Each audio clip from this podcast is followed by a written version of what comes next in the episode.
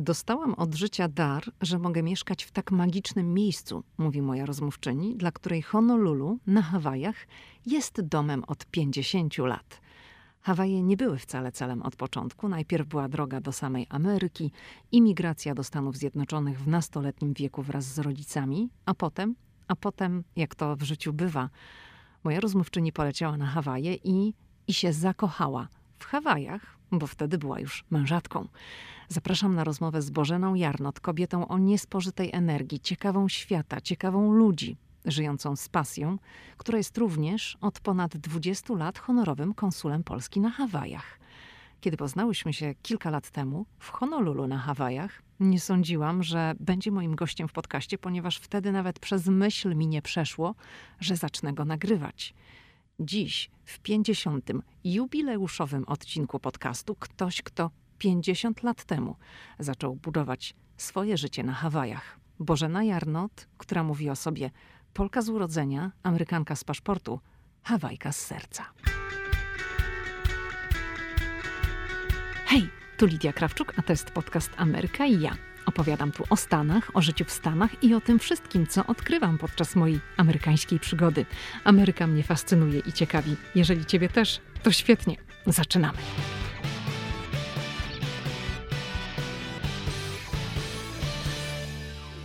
jednym z bardzo szczęśliwych ludzi na świecie, bo mieszkam w raju. Czasem się zastanawiam jeszcze do dzisiejszego dnia szczypię, że dostałam taki dar od Boga i zawsze pamiętam, jak rodzice mówili, tak, dziecko, pojedziesz do Honolulu, małpy straszyć.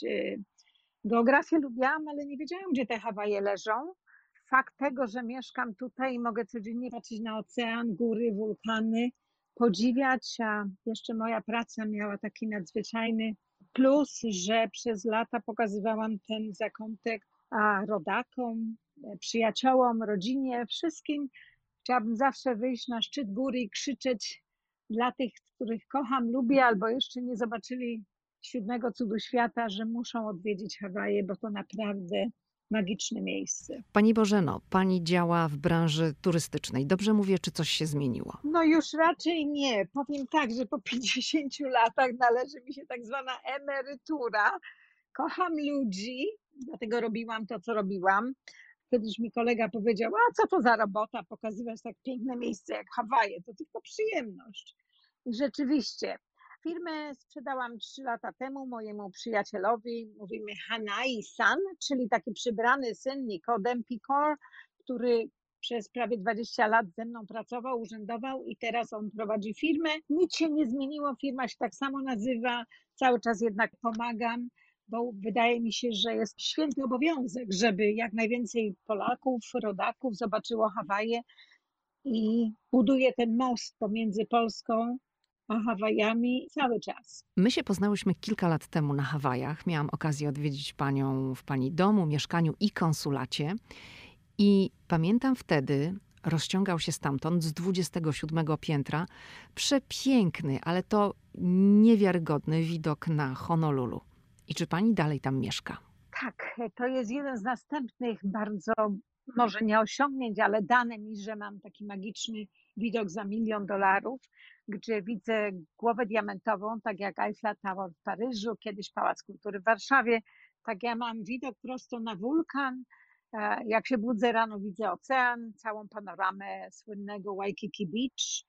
Wszystko w zasięgu ręki, a jestem jak gdyby dwa kilometry oddalona, a przede wszystkim otacza mnie przepiękna zieleń, bo jest pole golfowe, jedyne w Waikiki, które właśnie jest taką piękną łazą zieleni. Także mój balkon to jest taki mój wielki wybieg, ogród, który kiedykolwiek wracam z podróży, czy odwiedzają mnie goście, a często ich mam, bo mój dom jest polskim kawałkiem ziemi na Hawajach.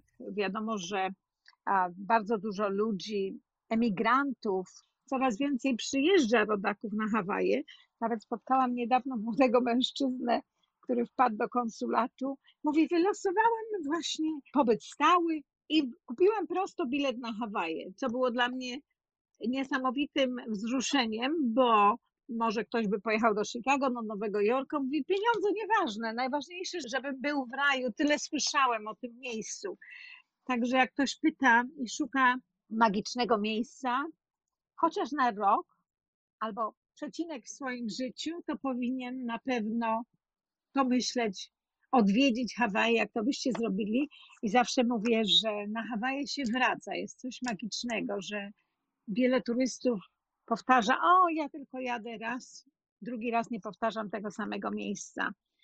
A mam osoby, które 20 raz i plus wracają z powrotem. Także jest coś pięknego, magicznego i jak wiadomo, no, Hawaje to nie tylko Oahu, czyli wyspa, na której mieszkam, w Honolulu, czyli stolica stanu Hawaii. Jak wiemy, Hawaje to stan Ameryki 50, ale przy tym no, zupełnie coś innego. Zawsze mówię, że to jest Polonezja na Polinezji.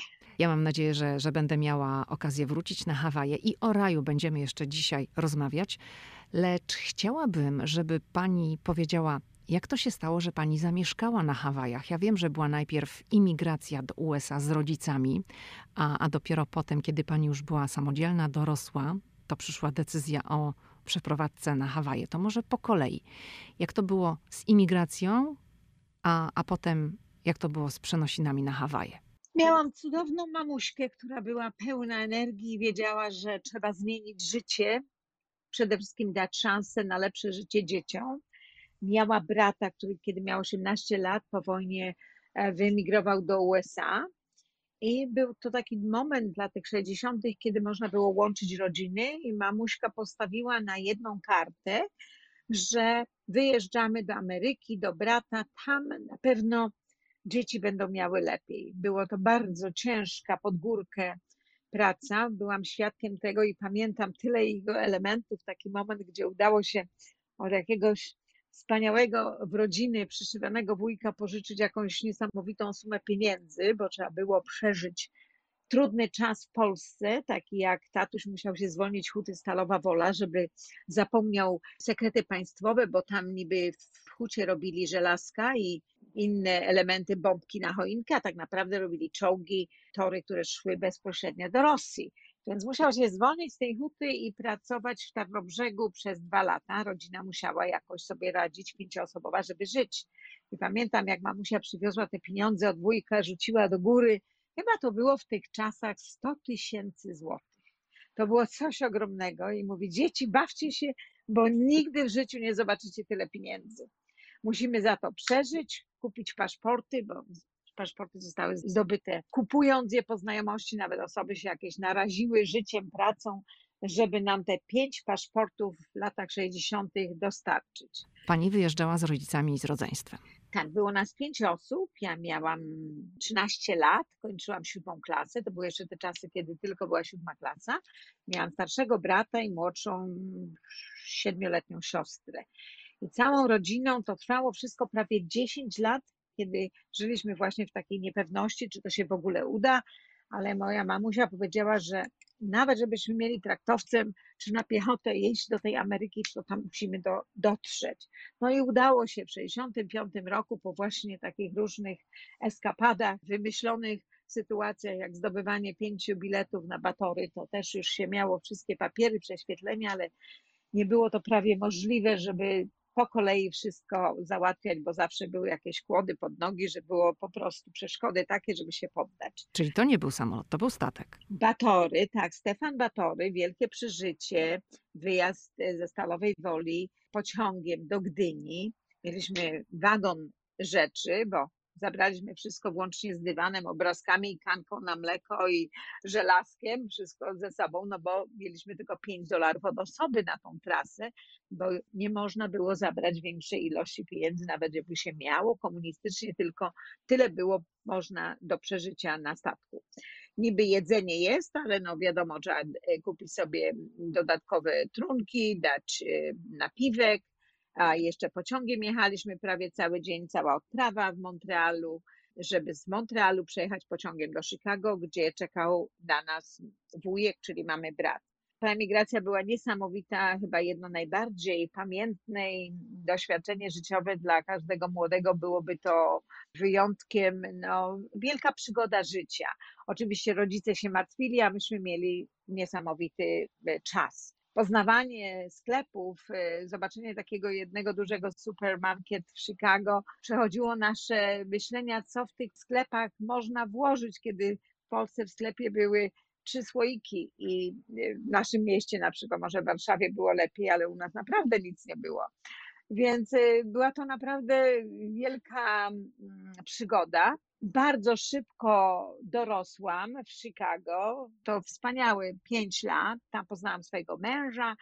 Mąż zostaje zabrany do wojska, do Wietnamu, ale w międzyczasie pobieramy się. A mąż był Polakiem czy Amerykaninem? Polakiem. W 1967 roku przyjechał do Ameryki i dosłownie dwa lata później tylko mając zieloną kartę, ale przez to, że był bardzo inteligentny, bardzo mądry, zaczął chodzić do szkoły, ale zdecydował, że jednak woli sobie kupić samochód, czyli iść do pracy i dostał pracę w Western Electric, zarobił pierwsze tam 5 tysięcy dolarów i wiadomo, młodzi ludzie, no jeszcze mając 17 lat, jak przyjechał do Ameryki, to wolność, po prostu fakt tego, że było go naprawdę na wszystko stać, no ale wiadomo, były to czasy wojny w Wietnamie, więc jak młody człowiek nie chodził na studia, to dostawał papiery do wojska.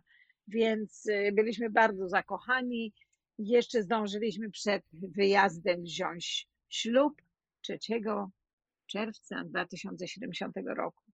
Wyjeżdża do Wietnamu i po roku w Wietnamie każdemu młodemu przysługują wakacje na ziemi amerykańskiej. Jako młoda żona przyjeżdżam zobaczyć go na tydzień do Honolulu. Czyli mąż powrócił na Hawaje z Wietnamu i pani poleciała na Hawaje, żeby się z nim spotkać. Tak, jest taki amerykański zwyczaj, że jak wojskowy jest na wojnie, rok czasu, to przysługuje mu tydzień wakacji na ziemi amerykańskiej. I może się spotkać z rodziną, może sam jechać do Japonii, może jechać, po prostu wykorzystać te wakacje jak chce. Jeżeli z rodziną się ma spotkać, to musi być na ziemi amerykańskiej. Więc najbliższe miejsce z Wietnamu do Ameryki były Hawaje.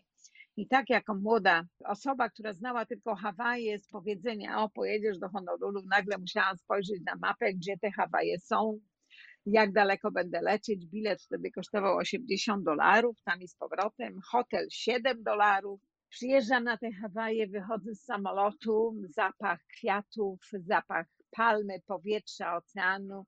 Wtedy nie było rękawów, nie było, lotnisko było bardzo malutkie. Wrażenie, jakie ten moment zrobił na mnie, to chyba drugie takie same, które spotkało mnie, jak wylądowaliśmy w Chicago 4 lipca w 1965 roku. Poczułam niesamowitą ulgę i wiedziałam, że jest to jakieś magiczne miejsce, niesamowite miejsce. Przede wszystkim i byłam jak gdyby w euforii. Nie mogłam sobie wyobrazić, gdzie ja jestem, co mnie otacza. Po, wiadomo, po Polsce pierwsze miejsce było Chicago, a po Chicago coś magicznego, Hawaje. Pamiętajmy, że wtedy Hawaje nie miały tych wieżowców wielkich, w ogóle były zupełnie inne bardziej naturalne, bardziej takie, no turystyka się rozwijała, ale jednak 50 lat zrobiło swoje. Czy to wtedy pojawiła się ta myśl, ja chcę zamieszkać na Hawajach? To był taki moment chyba bardziej jeszcze ważny, kiedy dostałam na szyję od wojskowego, który czekał może na jakąś inną osobę, bo tradycja Hawai, do, jak przylatuje się po raz pierwszy, czy jak wita cię osoba, na którą oczekujesz, dostajesz girlandę kwiatów na szyję. Ten młody mężczyzna popatrzył, chyba on je dostał od kogoś i jak to mężczyźni nie lubią kwiaty na szyi, ściągnął i mówi, chyba ty je bardziej potrzebujesz jak ja. I ten gest tego młodego człowieka, który założył tą girlandę kwiatów na szyję, z kwiatów tak wonnych, plumerii po prostu zawróciło mi w głowie i poczułam się, że jestem w raju, w miejscu, gdzie chcę zostać do końca życia. To był ten pierwszy moment. Już zaczęłam sobie knuć w głowie, że to jest możliwe, że można w takim momencie być jak gdyby uderzonym piorunem i nagle coś się w tobie zmienia. Oczywiście jeszcze magia tygodniowego pobytu z mężem na Hawajach, jak gdyby nasz honeymoon, czyli miodowy tydzień kończy się w ogóle wielką tragedią, no bo musimy się rozstać i on wraca do Wietnamu, nie wiadomo jaki wróci, zdrowy, cały, czy w ogóle wróci. Ale w moim sercu i duszy już były tylko Hawaje. Ja jeszcze zostałam kilka dni na Hawajach. Mąż wrócił zdrowy, cały, fizycznie tak, ale na pewno na 19-letnim młodym mężczyźnie, jak ktoś ma dzieci, to nie może sobie nawet wyobrazić, jaka jest to okropna drama psychicznie, kiedy wiadomo, że taki młody mężczyzna spędził w dżungli na drzewie tyle dni, strzelając do młodych, do różnych osób, broniąc się. Jak napisałam w mojej książce, była to puszka pełna strasznych, trudnych dni, chwil przeżyć dla niego, która wzięła lata i chyba do dzisiaj jeszcze jest w jego podświadomości i go chyba z tego się nigdy nie da wyleczyć. Jedno, co stanęło nam wspaniałego, to te Hawaje na drodze i powiedziałam do męża, kochanie, to co przeżyliśmy na Hawajach, to musimy powtórzyć, bo ja się ponownie zakochałam. Kocham Hawaje i tylko tam chcę mieszkać. Jak chcesz być ze mną, to słuchaj, wyruszamy do Honolulu. Oczywiście dla niego też były chyba takie ulga, bo jednak wracanie do rzeczywistości, do tego szarego, trudnego, wielkiego Chicago, to było takim rzeczywiście trudnym momentem. Także mimo, że może nie wyobrażał sobie, co my będziemy robić na tych Hawajach, mówi, dobrze, jedziemy do tego Honolulu. Ja myślę, że to była taka druga wielka emigracja w moim życiu byłam pełna entuzjazmu, pełna jeszcze naładowana tą energią, to, że mąż wrócił, to, że widziałam tak magiczne miejsce i ono jest w moim sercu. Wracamy na te Hawaje. Oczywiście ja już mam 300 dolarów, czyli jestem mądrzejsza, znam język amerykański, czyli angielski, e, mam męża, czuję się empowered, siła moja mnie po prostu rozpiera. Chyba bardzo dużo, bardzo dużo cech charakteru mam po mojej mamie, bo cały czas mam tą siłę przybicia z motyką na księżyc. Oczywiście. Czyli po prostu postanowiła pani podbić Hawaje. Powiedziałam, że to jest miejsce, na którym chcę spędzić e, swoje życie. Wiadomo, będąc młodym, człowiek sobie nie wyobraża i może i lepiej. Tak jak każda emigracja ma swoje początki trudne, zostajemy na tych Hawajach, nie zdajemy sobie sprawy, że w Chicago płacimy za mieszkanie 75 dolarów, a tutaj 375 nikt nam nie chce wynająć. Dlaczego? Bo jesteśmy młodzi, nie mamy pracy. Wyobraź sobie, że muszę e, główkować, bo co osobę, mamy spotkanie, żeby wynająć mieszkanie, to zostajemy odrzuceni, aż wreszcie, mimo że on jest wojskowym, ale patrzą na nas, że my tutaj na pewno długo nie przeżyjemy. Zaczepiam obcą osobę na ulicy i mówię: Słuchaj, zrób nam przysługę, weź, podpisz kontrakt za nas, tu jest mój mąż wojskowy w Wietnamie, bo inaczej będziemy na ulicy. No i rzeczywiście człowiek nam pomógł jako dorosły on za nas kontrakt podpisał, bo inaczej byśmy nie mieli mieszkania. I tak, y, ja myślę, bardzo dużo rzeczy, które jak czasem człowiek mówi, nie da się zrobić, wszystko się da zrobić, ale zawsze druga osoba, drugi człowiek stanie na Twojej drodze i jakoś pomoże. Pani Bożeno, Pani bardzo ładnie mówi o Hawajach, o tym, jak Pani się w nich zakochała, jakie Hawaje na Pani zrobiły wrażenie. Ale jak my się spotkałyśmy kilka lat temu, to pani mi powiedziała, że pani z tych Hawajów uciekła. Dlaczego? Będąc tutaj z młodym mężem, przychodzi na świat y, mój syn Marek. Sytuacja życiowa nie układa się, bo mąż jest naprawdę w trudnej sytuacji psychicznej, musi się odnaleźć, potrzebuje swojej wolności, ma duże problemy z sytuacją, którą przeżył na Wietnamie.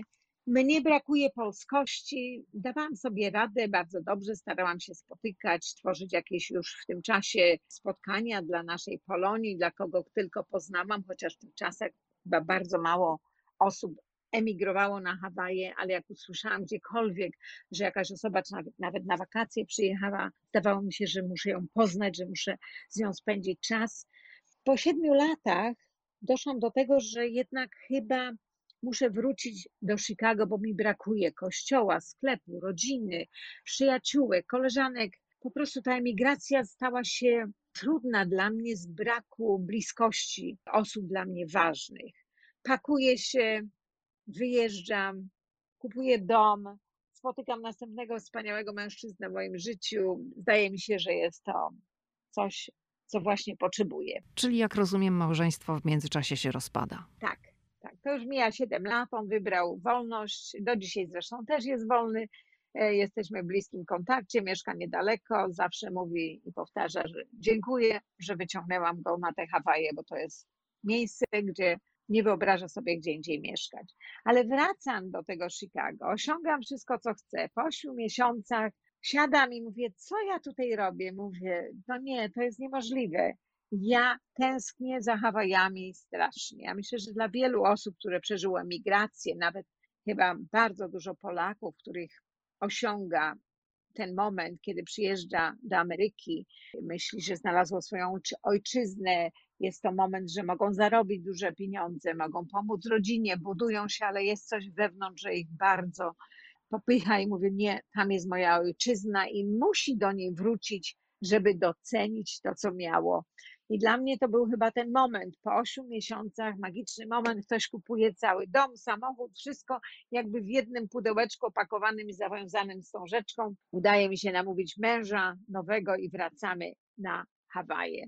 Jest to moment chyba euforii, coś pięknego. Jestem znowu w raju, w moim miejscu i tak każde miejsce, każdy kąt zaczyna być jeszcze bardziej wartościowy. Jakby święta były codziennie. Ja myślę, zaczęłam w tym momencie tworzyć sobie Polskę na Hawajach. Może nie tak od razu, ale tak 80. lata coraz więcej rodaków poznałam, zaczęłam robić spotkania polonijne, święta, może nie tak polonijne, jak takie rodzinne, bo spotykaliśmy się w domu, spotykaliśmy się dużo. Mamy piękną pogodę na Hawajach, to jak ktoś się pyta, gdzie jest polski dom na Hawajach, to pod palmą w Kapiolani Park jest taki piękny ogród, jest takie piękne gazebo i tu jest nasz polski klub, gdzie się zawsze spotykamy, bo rzeczywiście pogoda hawajska zawsze dopisuje. Jeżeli nawet deszczyk przejdzie, to on jest, tak mówimy, płynne słoneczko, w niczym nie przeszkadza. I ja przeżyłam właśnie ten moment emigracji, że po siedmiu latach wróciłam do Chicago, a teraz już zawsze wiem i może podróżuję dużo, że wracając na Hawaje, wracam do właściwego miejsca, do mojego domu, gdzie jest moje serce. Ten, ten pani przykład, ta ucieczka z Hawajów po siedmiu latach, nie jest tak naprawdę niczym dziwnym, prawda? Ponieważ życie na wyspie jest życiem specyficznym i nie każdy do takiego życia się nadaje, nie każdy potrafi się dostosować. Czy pani zauważa, że niektórzy ludzie przyjeżdżają na Hawaje, wydaje im się, że ojejku, to jest ten raj na ziemi, ja chcę tu żyć, to jest moje miejsce, a potem jednak dochodzą do wniosku, że nie.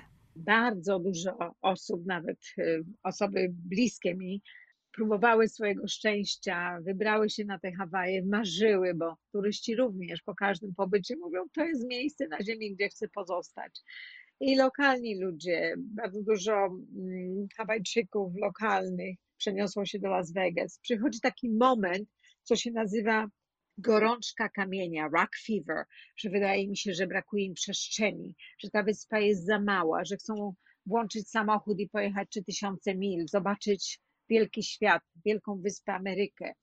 Ja myślę, że mm, nie wszystkim się udaje, nie tylko z powodów to, że Hawaje są specyficzne, że trzeba je naprawdę pokochać i sobie zdać z tego sprawę, że jest się w miejscu, które no, ma swoje plusy i minusy. Zawsze coś za coś.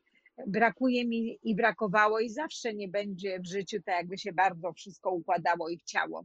Nieruchomości są bardzo drogie, wszystko jest zupełnie inaczej na wyspie. Tak jak pojechałam na Tahiti, zakochałam się w Tahiti, ale jest to tak świat zróżnicowany. Jest tak jak Meksyk. Z jednej strony bardzo bogaty, a z drugiej strony wyjdziesz poza resort, poza piękny hotel i jesteś zupełnie w trzecim świecie biednych ludzi, prostych, którzy się borykają z codziennym życiem i tobie jest, patrzysz na to i mówisz, jak można tak żyć. Hawaje też mają swoje problemy. Jest Ameryka, 50 stan, ale nie wszystkim się udaje. Przede wszystkim praca. Nie ma przemysłu, nie ma miejsca, gdzie można zarobić dużą ilość pieniędzy, żeby tak naprawdę komfortowo żyć. Trzeba oddać naprawdę coś za coś. Chciałabym, żebyśmy się na chwilę zatrzymały przy kwestii drożyzny na Hawajach. Pani wspominała, że jest drogo. Mm, o kosztach wynajęcia mieszkania, pani mówiła o tych wszystkich perturbacjach po drodze dlaczego na Hawajach jest tak drogo. Bo to nie jest tylko kwestia nieruchomości, ale również jak się przyjedzie na Hawaje, kwestia hotelu, noclegu, nawet kwestia zakupów w sklepie. No ceny są zdecydowanie inne niż na kontynencie amerykańskim. Ja myślę e, przede wszystkim transport, odległość, wszystko co mamy na wyspie jest przywiezione z Kalifornii, z kontynentu dużej wyspy Ameryki, a z, z Chin, z Japonii, z e, Nowej Zelandii. Owoce, jakie rosną u nas, to tylko banany, ananasy i bardzo dobre mango, tropikalne owoce benzyna, nawet kiedy teraz w czasie pandemii gdzieś tam e, u was w Ameryce kosztuje dolar 52 dolary, to u nas 3 dolary. Zawsze dolar za jeden galon więcej, ale przede wszystkim to, że jest mało ziemi. Wyspa ma tylko 600 mil kwadratowych, mieszka milion mieszkańców. Mówimy tu o wyspie Oahu. O Oahu Honolulu, tak jakby powiedzieć, no przedmieście, ale to jednak wszystko dalej Honolulu, nazywamy dzielnicę tak jak w Chicago, ale tak naprawdę nie ma tych przedmieści, suburbs, no bo to wszystko jest w bardzo bliskim zasięgu. Pół godziny jesteś w następnej dzielnicy, albo nawet 15 minut, 10.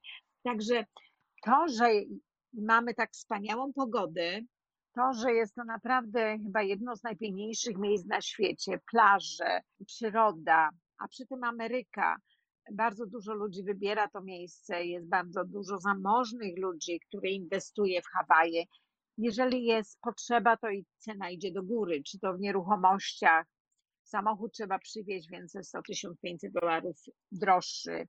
Zawsze marże muszą narzucić, bo wiadomo, że miejsce, które wynajmują na sprzedaż samochodów, muszą mieć y, też y, wyższe wydatki.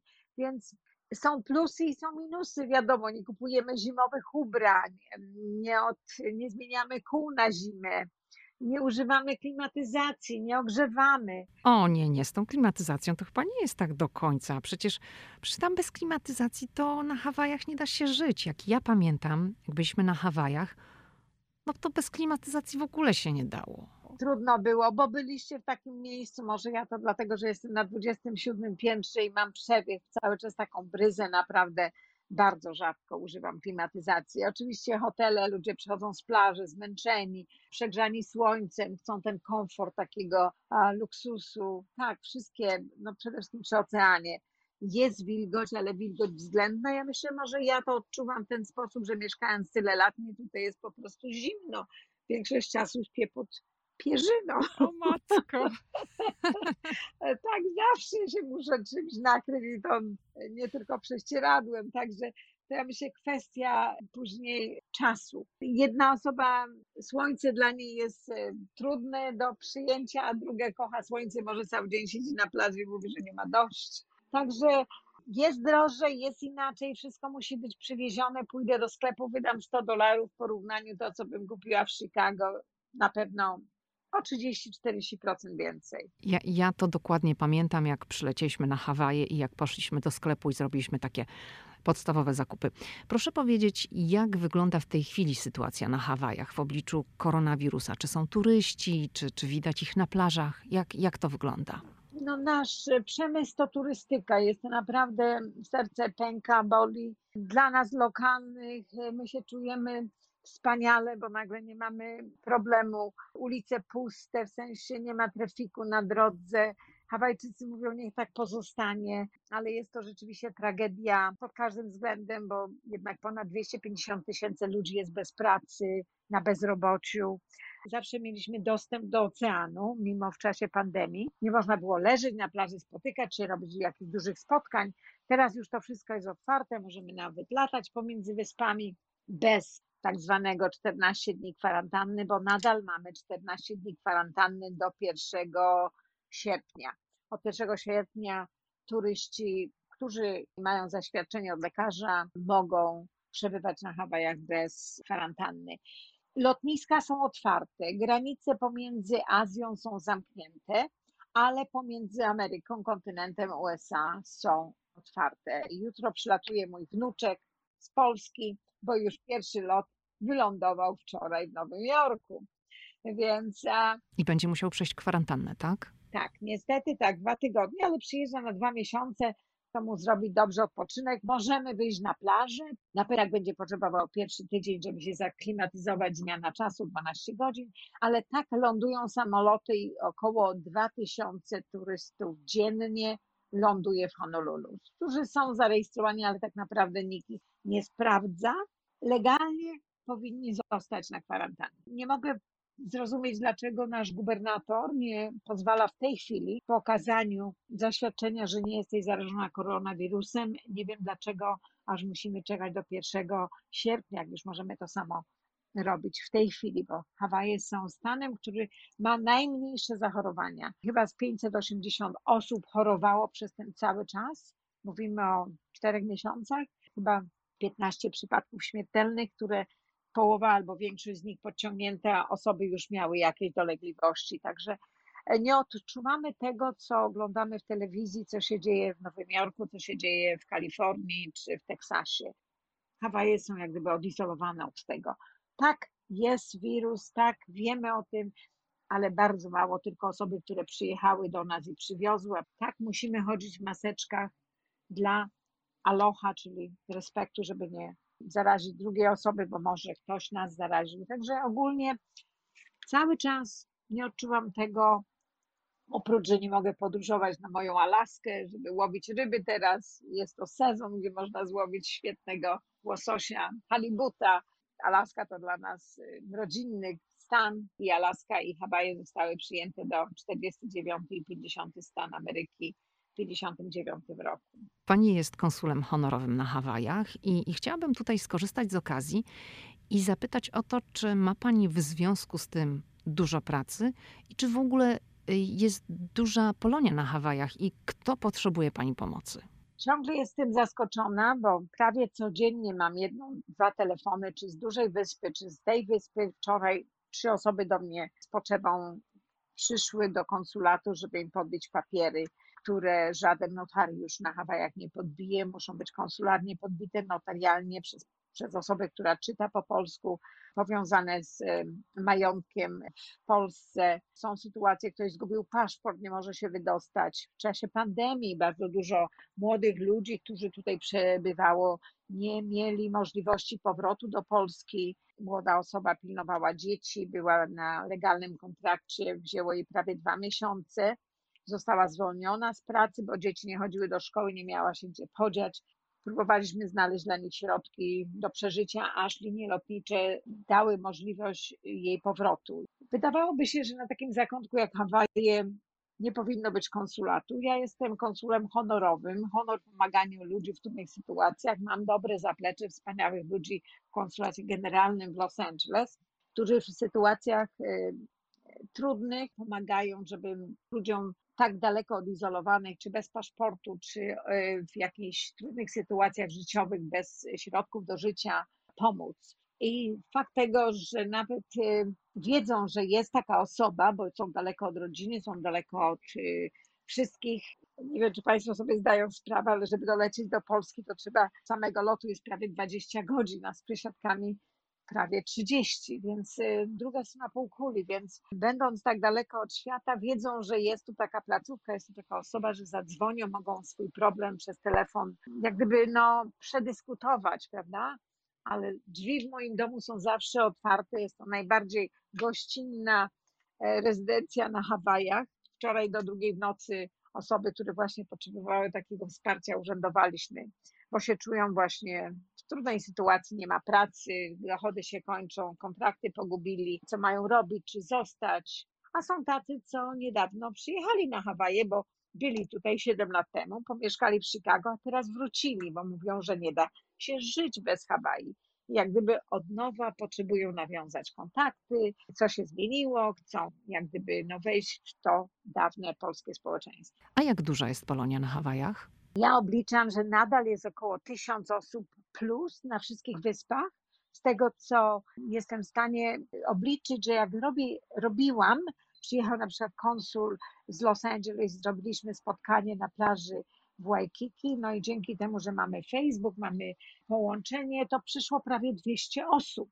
Więc w takim małym miejscu, to nie jest Chicago, gdzie mieszka milion Polaków i jak przyjeżdża jakaś ważna osoba, że przyjdzie 300-500 osób, to jest duże osiągnięcie. Ale żeby na Hawajach, gdzie jest y, właśnie tylko te 1000 osób się zebrało, prawie 200 osób, to znaczy, że ta Polonia jest duża. Bardzo się dużo młodych ludzi przeprowadziło na Hawaje i dalej przybywają. Nasz wicegubernator Josh Green Okazało się, jest Polakiem, a myślę, że będzie naszym przyszłym gubernatorem. Jak spotkaliśmy się na takim właśnie spotkaniu konsularnym i podeszłam do niego rozmawiać i coś o Polakach opowiadam, mówi, przecież ja jestem Polakiem, moi rodzice byli Polacy. Ale nie mówi po polsku? Nie, nie mówi. Może coś tam mówi, nie było. Takich było za dużo osób, ale teraz jakkolwiek mam sytuację czy problem, to do niego piszę i od razu mam z nim kontakt, pomagam. Chciałam panią zapytać o śluby na Hawajach, ponieważ śluby na Hawajach są szalenie popularne, ale czy one są popularne wśród Polaków, którzy, którzy pojawiają się na wyspach? Bardzo. To zaczęło się w moim Hawaii Polonia Tours. Prowadziłam przez ponad 25 lat, że przyjechali raz młodzi, którzy po prostu ich marzeniem, to było już 20 lat temu, było, żeby właśnie w National Geographic oglądał, że chciał mieć taki ślub przez wodza. I ja w tym momencie wysłuchałam jego, było to na spotkaniu wyjazdu z zespołem hawajskim, mówił właśnie z takim wodzem bym chciał spotkać się i mieć ślub hawajski. Ja tak patrzę na niego, słuchaj, za trzy miesiące przylecieli na Hawaje, mówi, no właśnie jestem i chcę taki ślub. Rozmawiam z wodzem, mówi, no oczywiście zrobimy. Od tego czasu przez 20 lat naprawdę nie tylko, że wzbudziłam dużo w biurach podróży, jak i dla Polaków, włącznie z znanymi osobistościami w Polsce, miałam okazję gościć i robić im prawie co tydzień jakiś ślub. I to w pięknym plenerze na plaży Kahala Beach, gdzie zawsze jest pogoda, że plener jest tak magiczny, że nie da się go nigdzie powtórzyć ani odtworzyć. I stało się to też moją wielką pasją. Promowałam wszystkich biurach podróży i reklamowałam, że jak ktoś chce a zapomnieć o kotletach, o 300 osobach planowanych i wielkim wydatku, że czy dogodzi babci, cioci, bo druga rodzina, drugie małżeństwo, że nie wyjdzie, to zróbcie coś dla siebie. Pojedźcie w magiczne miejsce, będziecie mieć niezapomniany wasz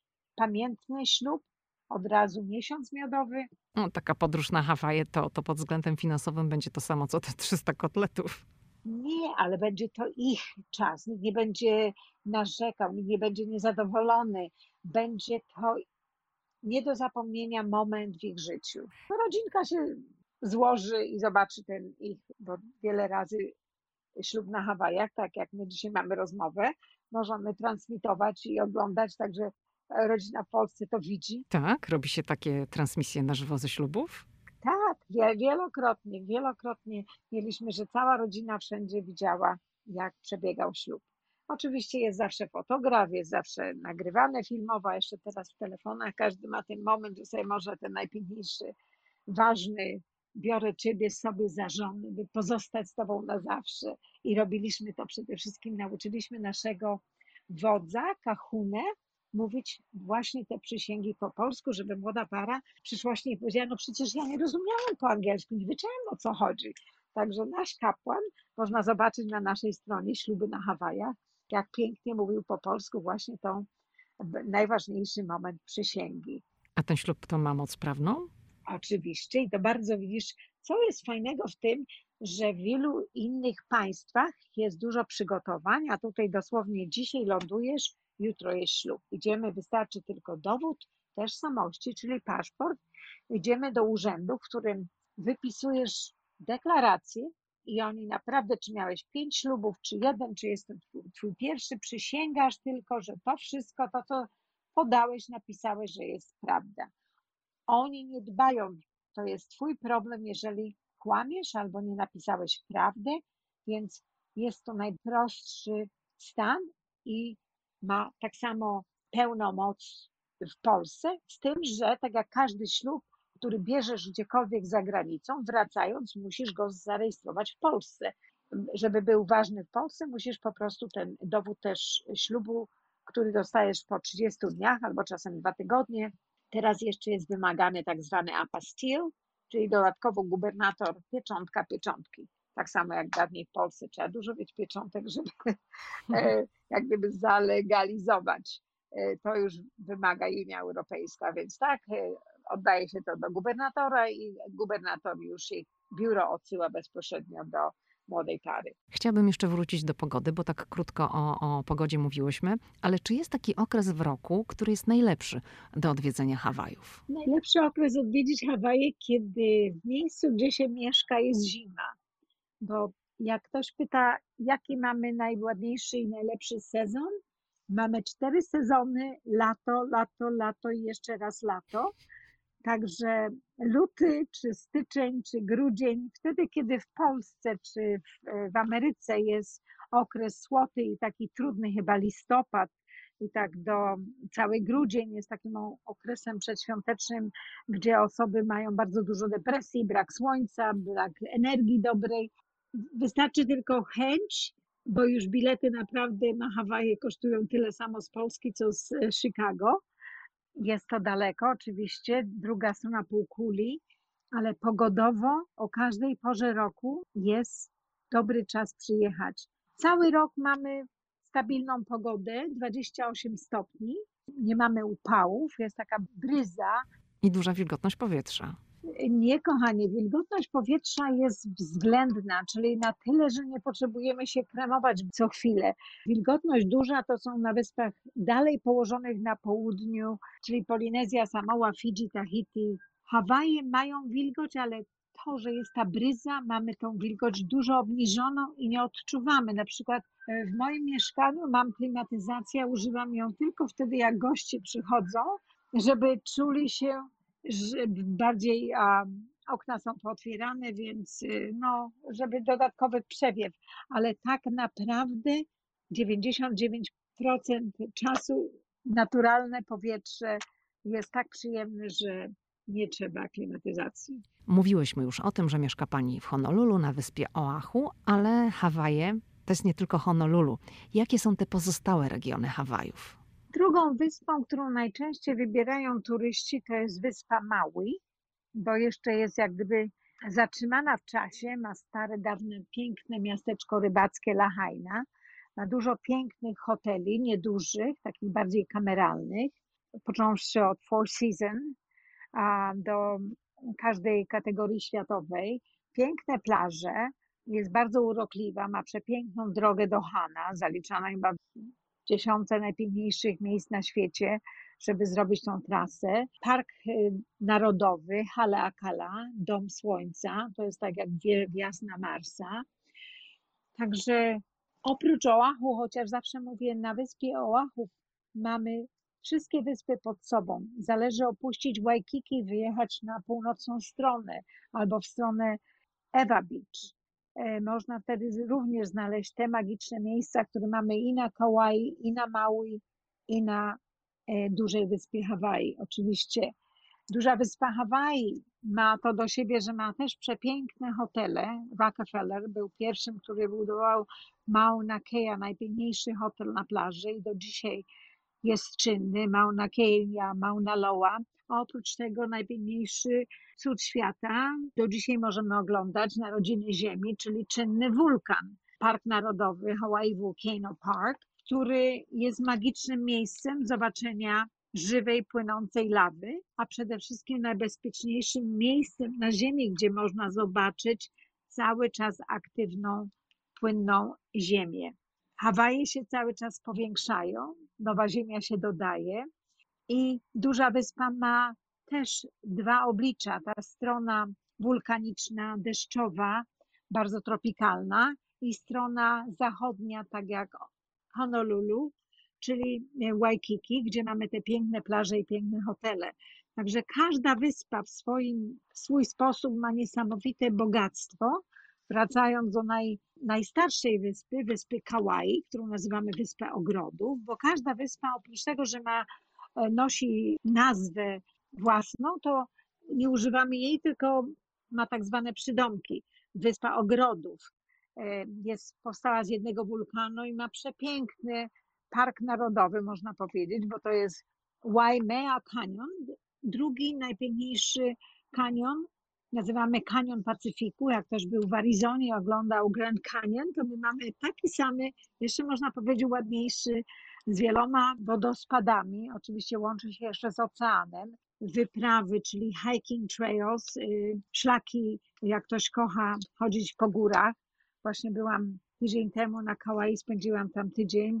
Ile razy wracam, odczuwam tą samą niedosyt, że jeszcze tam nie byłam, jeszcze tego nie zobaczyłam. Dla osób, które rzeczywiście uprawiają sport i lubią chodzić, jest niesamowity hike, nazywa się Kalalau, gdzie 11 mil idziesz pięknymi szlakami i dochodzisz do magicznego, do magicznego obszaru plaży, gór, gdzie dawniej Hawajczycy, kiedy byli prześladowani i chorowali na chorobę trądu, tam znajdowali jak gdyby swój azyl, żeby odizolować się od prawa, które ich w tym czasie wywoziło na wyspę Molokai, wyspa trędowatych.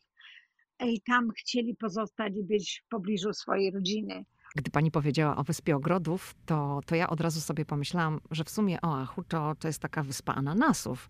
I muszę przyznać, że jak przyleciałam na Hawaje, to byłam zaskoczona, że tam właśnie są plantacje ananasów. Powiem tak, e, można by to jeszcze w latach 70. tak nazwać, ale teraz ani ananasy, ani trzcina cukrowa nie opłaca się, żeby ją produkować na Hawajach. Czyli plantacja to jest bardziej taka atrakcja turystyczna? Tak, na lokalną konsumpcję. Kiedyś ananas był królem, a trzcina cukrowa królową Hawaii, bo było bardzo tanio sprzedawać cukier w świat, bo nie mieliśmy podatku. Teraz ananasy produkcję wynieśli do Azji, czyli na Filipiny, tam gdzie jest tania siła robocza, bo jednak i Hawaje dotknęła Junia, tak żeby dostać pracę przy zbieraniu ananasów, to jest bardzo ciężka, trzeba mieć, y, właściciele muszą płacić unijne stawki. Więc teraz ani ananas, ani trzcina cukrowa się nie opłaca. Jest taniej kupić, jakby produkować ją na Hawajach. Zamienili pola ananasowe dawne teraz w plantacje kawy. Hawaje są jedynym miejscem w Ameryce, gdzie produkujemy wspaniałą hawajską kawę najlepsza rośnie na zboczach wysoko, na dużej wyspie, na zboczach Mauna Kea i Mauna Loa. Ale i ta na Oahu może nie jest najlepszej e, smaku, ale również ma dużo słońca i dużo swoich właściwości cennych. Także tak, jak pani powiedziała, raczej te pola ananasowe na lokalną konsumpcję dla turystów, żeby zobaczyli, że jednak ananasy rosną na ziemi jak kapusta, a nie na drzewie bo mamy takie drzewo, pandanus, który jest bardzo podobny do ananasa i wiele razy w czasie wycieczki wokół wyspy objeżdżaliśmy i pokazywałam, że u nas ananasy rosną na drzewie. I wiele turystów wierzyło w to, aż, do, aż na końcu dnia dobiliśmy do Dole Pineapple, najsłynniejszego producenta ananasów, i rzeczywiście, wow, to jednak ananas rośnie jak kapusta na ziemi. No właśnie, to jest ten producent, który ma, ma taką farmę ananasów, którą można zwiedzać, można zobaczyć, jak cała produkcja wygląda i, i ja do tego nawiązywałam. Tak, mamy wiele gatunków światowych. Powinno być tanio, ananas na Hawajach prawie dobry 5 dolarów kosztuje. To już e, wiadomo, smak niesamowity nazywa się złoty ananas, golden pineapple, rośnie na Maui i nie ma żadnego acid, kwasu jest po prostu niebo buzi. Także jeszcze tak jak kiedyś się pamiętało, ten ananas zebrany prosto z grządki, z pola nasycony słońcem, jest dalej bardzo pyszny i warto zawsze się nim delektować na Hawajach. Chciałabym, żebyśmy jeszcze porozmawiały o, o, plusach i minusach życia na Hawajach. O pewnych aspektach już mówiłyśmy. Jedna kwestia to jest to, że jest drogo. Kolejna, że życie wyspiarskie nie jest życiem dla każdego. No i chciałabym, żeby pani jeszcze coś dorzuciła. Plusy i minusy życia na Hawajach. Przede wszystkim dla mnie minus jest taki, że kiedykolwiek chcę się gdzieś ruszyć, to muszę wydać pierwszy tysiąc dolarów, żeby stąd wylecieć na kontynent. A często latam, już bym była bardzo zamożna, jakbym wszystkie te pieniążki trzymała w banku, a nie w samolotach. I dalej, dalej kocham podróże i teraz moją pasją to jest podróżować po świecie i poznawać te zakątki świata co jest. Oczywiście nie mamy zimy, więc nie musimy zmieniać kół. Samochód mam dziesięcioletni i wygląda jak nowy. A nie brakuje pani czasem zimy? Często mi brakuje i robię, staram się, tylko bierze mi 5 godzin, żeby dolecieć do Portland, do Mount Hood i co roku jestem na nartach, nawet raz albo dwa. Tak, zawsze możemy odwiedzić zimę i to w bardzo krótkim czasie, a kiedykolwiek jestem w Polsce na święta, to robimy z rodziną. Syn i wnuk jest urodzony na Hawajach, ale wszyscy kochają narty i zimę, ale tylko w odwiedzinach. Czyli wpadamy, jeździmy, cieszymy się nartami i wracamy. Również może słuchacze nie wiedzą, ale Hawaje mają 18 klimatów i nawet na Hawajach mamy śnieg. Na Mauna Kea, co nazywamy Białą Górą. Dlaczego? Bo w okresie styczeń-luty jedna czwarta góry jest pokryta śniegiem. Także wielu Hawajczyków bierze deskę i taką no, nie ma wyciągów, nie jest to e, przystosowane do narciarskich wyczynów. E, samochód przeważnie 5-6 osób się zbiera, cztery zjeżdżają, a jeden musi ich odebrać z dołu, żeby zawieźć z powrotem na górę. Także tak mamy śnieg na Hawajach.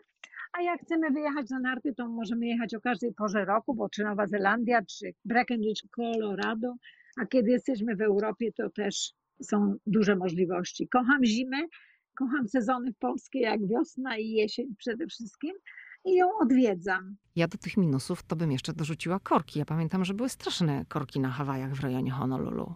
Powiem tak, bardzo rzadko używam samochód, dużo chodzę, a, a drugi mój transport to jest rower. I teraz major chyba od dwóch lat wypróbował właśnie, co tutaj mu pogratulować, bo mówi, co będę wymyślał kółko, jak już jest wymyślone. Czyli burmistrz, tak? Burmistrz, tak. Pojechał do Vancouver i zobaczył, jak bardzo pozytywnie działają rowery.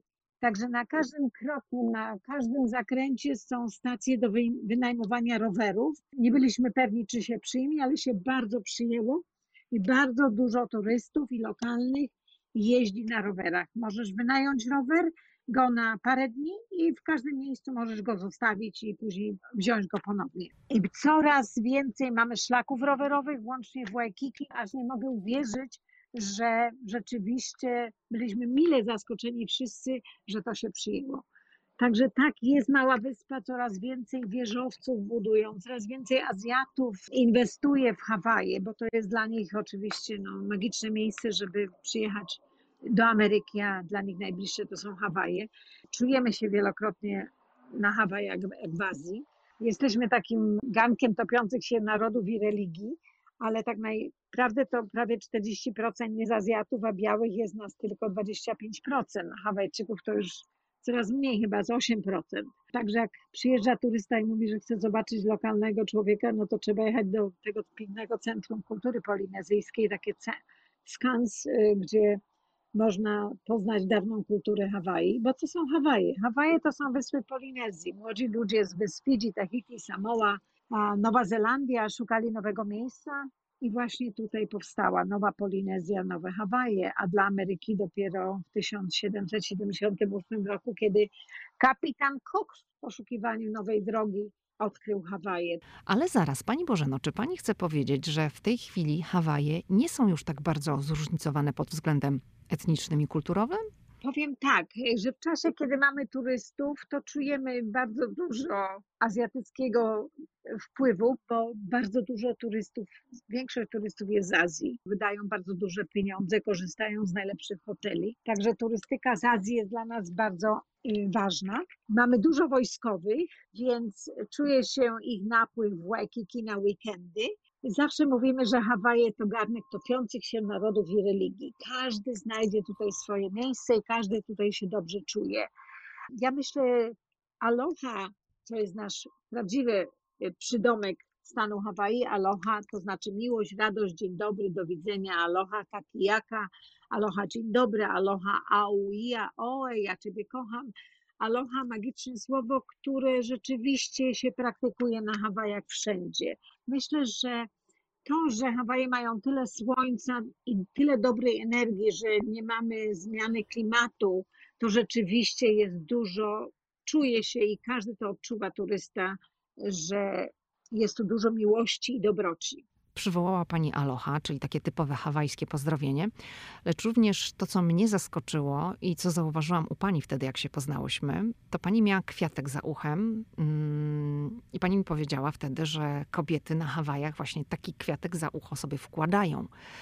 Czasem prawdziwy, czasem to jest kwiatek sztuczny. Zresztą tych kwiatków jest bardzo dużo. Można sobie je kupić jako um, upominek, jako taki gadżet z podróży. Mówię o tych sztucznych kwiatach.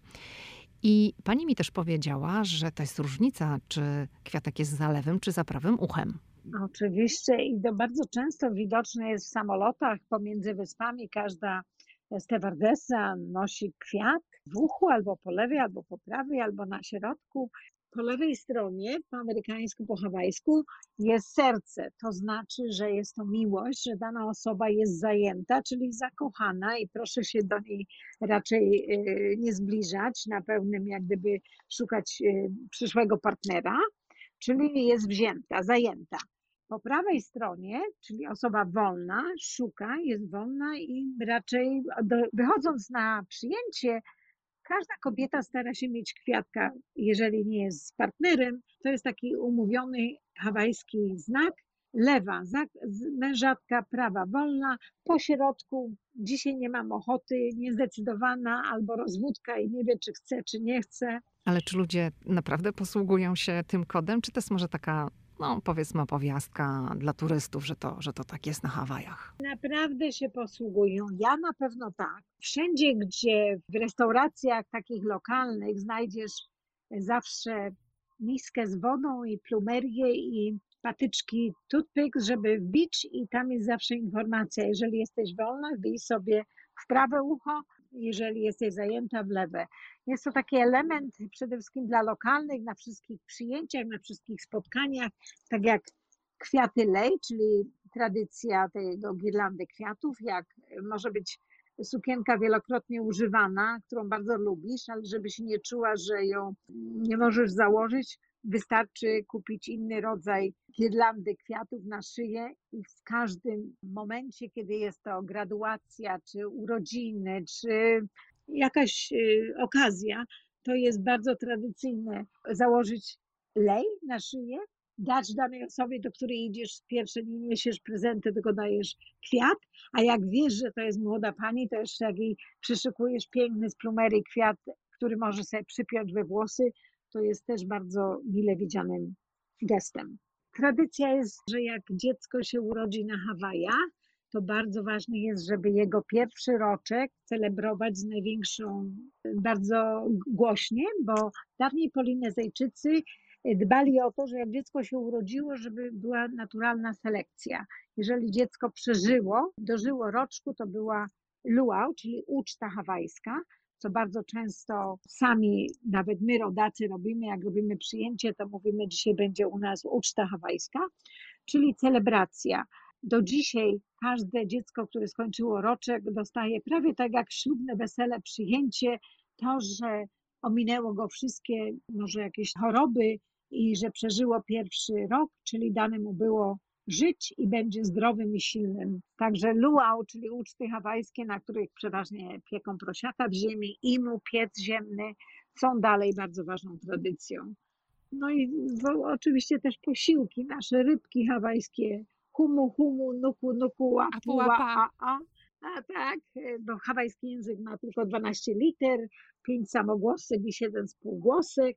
Także dla Polaków, dla rodaków jest bardzo łatwo wymawiać e, nazwy hawajskie, a mamy ich w Waikiki wszędzie, starają się nazwy ulic trzymać w języku e, hawajskim, to czyta się i pisze dokładnie tak jak po polsku. Także obojętnie jak długie wyraz, tak jak mele, kaliki, maka, hau, woli, makahiki, ho, każdy Polak jak popatrzy, to wypowie bo jest rzeczywiście tylko składanka liter i żeby jest takie, jak gdyby wiedzieć, w którym miejscu się zatrzymać. Chociaż język hawajski jest bardzo zaniedbany, bo można powiedzieć młodzi Hawajczycy, którzy jeszcze tylko na tej wyspie Nihao mieszkają, około 200 osób, gdzie dalej jest tradycja utrzymywania języka hawajskiego. Młodzi ludzie, którzy raz spróbują dobroci e, cywilizacji teraźniejszej komputerów i McDonalda i wszystkiego, co się łączy z Ameryką, nie chcą wracać na tą wyspę, gdzie tylko po hawajsku się mówi. Także coraz rzadziej hawajski język jest, jest możliwe, żeby go usłyszeć. Tylko można powiedzieć, nasze tutu, czyli babcie, jest w szkole, na Uniwersytecie Hawajskim dalej podawany, że można się zapisać na hawajski. Jak moje dzieci chodziły do szkoły, to było obowiązkowe, a teraz już niestety jak wszystko zanika. Chciałabym, żebyśmy jeszcze na chwilę zatrzymały się przy hawajskiej naturze i przyrodzie. E, wspominałyśmy o kwiatach, ale to nie są tylko kwiaty, to są również egzotyczne drzewa, ale również zapach. Przede wszystkim okres, tak jak e, e, wspomniałam, że mamy cztery sezony zawsze lato, ale przyroda budzi się ze snu kalendarzowo również w maju, chociaż cały rok kwitną kwiaty i drzewa, które są po prostu dech zapierające, to przychodzi okres kwiecień, maj, czerwiec, kiedy wszystkie drzewa kwitną, przede wszystkim plumerie, jest ich wtedy naj, najwięcej i wychodząc na zewnątrz, rzeczywiście czujesz w powietrzu zapach, zapach kwiatów. Wszędzie można je zbierać, bo jest ich bardzo dużo.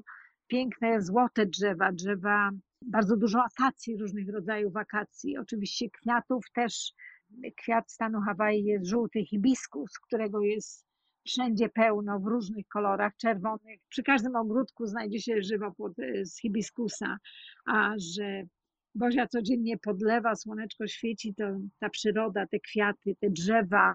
Mówią, że tu parasolkę w ziemi wbijesz i wyrośnie. Jest tak e, żyzna gleba wulkaniczna, słoneczko, deszcz, wszystko co kwiaty i drzewa potrzebują. Ci, co kochają przyrodę, to jest to naprawdę uczta dla duszy, dla oka i dla woni. Zapach tych kwiatów, plumerie spowodował, że wybrałam Hawaje jakie moje miejsce na ziemi i właśnie ten kwiat plumeria zawsze jest u mnie obecny. Kwiaty, przyroda, natura, zapach to jest jedno, ale Hawaje to też oczywiście plaże. Ja na przykład nigdy nie zapomnę, jakie wrażenie zrobiła na mnie plaża Bellows na Oahu. No, piasek tam był biały, bardzo miałki, taki jak mąka właściwie. Woda turkusowa, a jak już słońce zaświeciło, to naprawdę zapierało dech. I, I czy to jest jedna z najpiękniejszych plaż na Hawajach? Dla mnie ta plaża to było takie wow trzy plaże rocznie zapisują się w dziesiątce najpiękniejszych plaż na świecie. Kailua Beach y, jest to przedłużeniem jak gdyby tej plaży, która się ciągnie do Bellows. Można powiedzieć, Bellows to jest wojskowa plaża, ale ona jest przedłużeniem później Kailua, Lanikai i Waimanalo. To jest po prostu, tak jak wspomniała Pani, magiczna plaża jest jak sól, piasek jest boski. Ja trzy razy w tygodniu robię sobie taki spacer pięciomilowy wzdłuż tej plaży, bo taka jest możliwość przejść przez jeden, tak jakby szła po pięknym betonie. Jest tak, jak ten miałk dotyka woda, to się robi przesamowicie wspaniała trasa do robienia sobie spacerów wzdłuż plaży.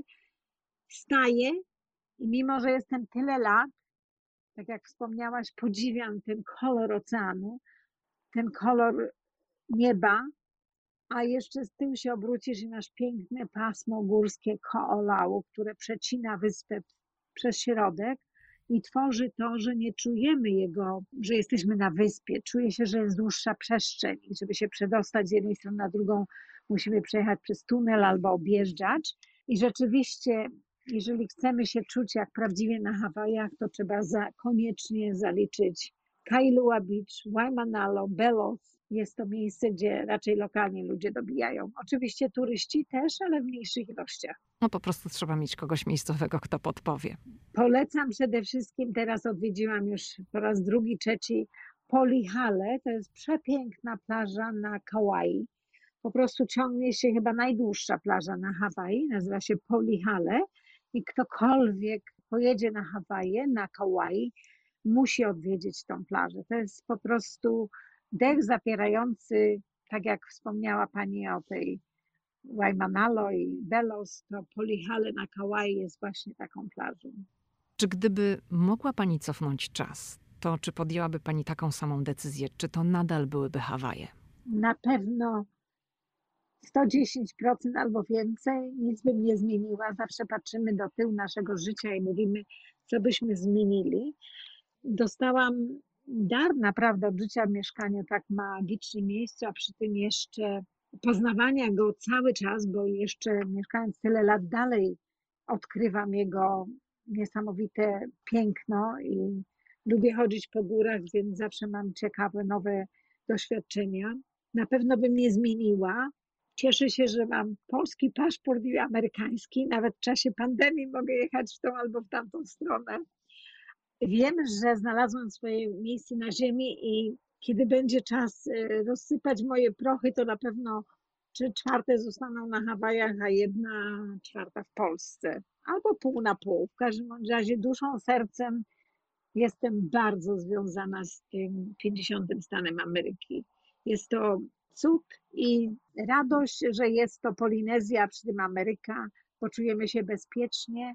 Pobyt czy tu, czy w Polsce, czy w Europie zawsze jest y, dobrym wyborem. A wracając do domu na Hawaje, to zawsze z wielką radością, kiedy się wakacje kończą, wiele osób mówi: O, och, szkoda, wakacje się skończyły. A dla mnie powrót z jakichkolwiek wakacji jest zawsze powrotem do domu, do miejsca, gdzie ludzie marzą odwiedzić. I zawsze samolot ląduje i widok plaży, całego archipelagu z lotu ptaka jest dla mnie blessing, błogosławieństwem i zawsze się dziwię, jak te samoloty na te wyspy trafiają, bo pamiętajcie, że najbliższy lot to jest 3,5 tysiąca kilometrów, czyli duża wyspa Ameryka. Do Kalifornii, do Japonii mamy 3800 mil, także jesteśmy najdalej oddalonymi wyspami na świecie od kontynentu. Co jest, ja myślę, cudowne. I nazywamy się Ocean Spokojny nie na darmo, bo wielokrotnie ludzie mówią, no ale tsunami, jakieś klęski. Wierzcie mi Państwo, tyle lat mieszkam na Hawajach, a wiadomo, są różne przygotowania, że we wrześniu będzie tsunami, że to są okres huraganów, że to, ale jest to naprawdę raj. Każdemu życzę, żeby chociaż raz w życiu było to na jego bucket list, czyli na liście rzeczy, które chce się zrobić w życiu. Miałam e, możliwość gościć wachlarz wspaniałych ludzi z Polski, od Krzysia Krawczyka do Bajora, do no, no, gwiazdy, które znam z dzieciństwa, bo wiadomo, te osoby zawsze były chętne poprowadzić mojego Sylwestra na Hawajach, którego robiłam przez 15 lat polski Sylwester w Honolulu. Czasem turyści mówili, o proszę Panią, ale my chcemy hawajski Sylwester, my hawajski to o 12 siusiu paciorek i spać, a polski do 6 rano. To jest różnica. Będą hawajskie elementy, tańce, występy, ale przede wszystkim Polacy lubią się bawić, Amerykanie, a że Hawaje Ameryka, nie było nigdy takiej możliwości właśnie bawić się do białego rana kiedy nazwaliśmy to tylko dlatego polski bal sylwestrowy, żeby właśnie korzystać i przywitać nowy rok z polską gwiazdą, z tradycją. Oczywiście nigdy nie zabrakło hawajskich dań, ale również i polskiego bigosu. Zawsze osobiście w dwóch garkach gotowaliśmy polski bigos, no bo jak przetrwać do rana, prawda? No jasne. Tak zawsze robiliśmy taką. Wiadomo, hotel nie pozwoli przywozić e, dania spoza hotelowych, więc dostaliśmy pozwolenie od adwokata, że to jest tradycja polska, że musi być po godzinie 12 taka właśnie uczta z jedzeniem bigosu. Więc ten bigos polski był takim posiłkiem, który pozwalał się bawić do rana, bo tam było dużo dobrych żoberek, kiełbasy, wiadomo, no samych dobroci, że jak sobie ktoś z gości nałożył taką, wiesz, miskę bigosu z polskim chlebem, to wiadomo, że na dwóch nogach wyszedł. A czy był jeszcze taki moment, oprócz tego, kiedy pani przyleciała po raz pierwszy, zeszła ze schodów samolotu, że pani sobie pomyślała, że Hawaje to jest tak naprawdę już na pewno na 100% moje miejsce na ziemi? Ja myślę, że codziennie, kiedy staję na balkonie i wieczorem, kiedy czytam książkę na balkonie, patrzę na albo światła, czyli mam tą różnorodność i miasta dużego, i dżunglę. Trzy kilometry za mną jest piękna dżungla Manoa, że o każdej porze wchodzę do pięknych ogrodów. Nazywa się Arboretum. To są ogrody Uniwersytetu Hawajskiego, gdzie są przepiękne, endemiczne 2000 rodzaje kwiatów i drzew, które nigdzie indziej nie występują. To jest taki mój wielki ogród, a wejście na głowę diamentową, którą mimo, że teraz nie mam turystów, nie pracuję, naprawdę celebruję życie. To jest wulkan. To jest wulkan, wygasły wulkan. Głowa diamentowa jest taką wizytówką Hawai. Wjeżdża się przez tunel do środka i 20 minut do góry i masz przepiękną panoramę na całe Honolulu. No, można się tam nieźle zmęczyć, jak się idzie do góry. Tak, ale już to takie, wiesz, no, dla lokalnych ludzi jest to ścieżka zdrowia. No i to Manoa, która jest rzeczywiście też w zasięgu ręki, przepiękny ogród, który też dla nas lokalnych jest zawsze dostępny. Myślę, że y, nadal czuję i nigdy nie zapomniałam, że jestem w tak cudownym miejscu, a ostatnio jeszcze zaliczyłam z wnuczkiem schody do nieba. To jest Stairway to Heaven, 4000 schodów. Aż sama byłam, jakby powiedzieć, dumna z siebie, że udało mi się zobaczyć ponownie, bo tam się idzie o wschodzie słońca. To jest to teraz y, półlegalne, cały czas nie mogą się zdecydować, bo brak parkingu niby dla gości i dla osoby, które mieszkają w tej dzielnicy, jak gdyby chcą to zapobiec, żeby turyści nie korzystali z tego miejsca. Schodząc po tych schodach do nieba i rzeczywiście jak ktoś chce na wstępie dostać taką dawkę piękna Hawaii, to niech sobie otworzy w internecie schody do nieba i to, to są Hawaje. Schodząc po tych schodach, aż trudno się nie zatrzymać co chwilę i robić zdjęć, bo w tym momencie widzisz tą magię tej wyspy, tą dziką magię, bo to jest po drugiej stronie, jest to wyjście na szczyt wulkanu, też wygasłego, gdzie dawniej była instalacja wojskowa i pozostały schody. Każdemu to życzę, żeby w swojej duszy przeżył coś takiego i za, jak przyjedzie na Hawaje na siłę i ochotę, zaliczył ten magiczny moment, schodząc po tych schodach, wchodząc i schodzą i widząc te Hawaje, ja myślę, jak zobaczył je kapitan Cook w takim jeszcze dziewiczym wydaniu. Jak ktoś potrzebuje y, dodatkowych y, zachęty, to proszę jakąkolwiek film o Hawajach zobaczyć. Elvis Presley nakręcił Niebieskie Hawaje na plaży, magiczna plaża Hanauma Bay w kraterze, gdzie tysiące rybek, włącznie z tą rybką hawajską, humu humu, e, przychodzi ci do ręki. Jest to turystyczny e, punkt, ale naprawdę magiczny. Można iść wcześniej rano albo później po południu i wtedy nie ma dużo turystów. Jest to jedna z cudów natury, gdzie krater otworzył się do oceanu i stał się naturalna, można powiedzieć, magiczne akwarium.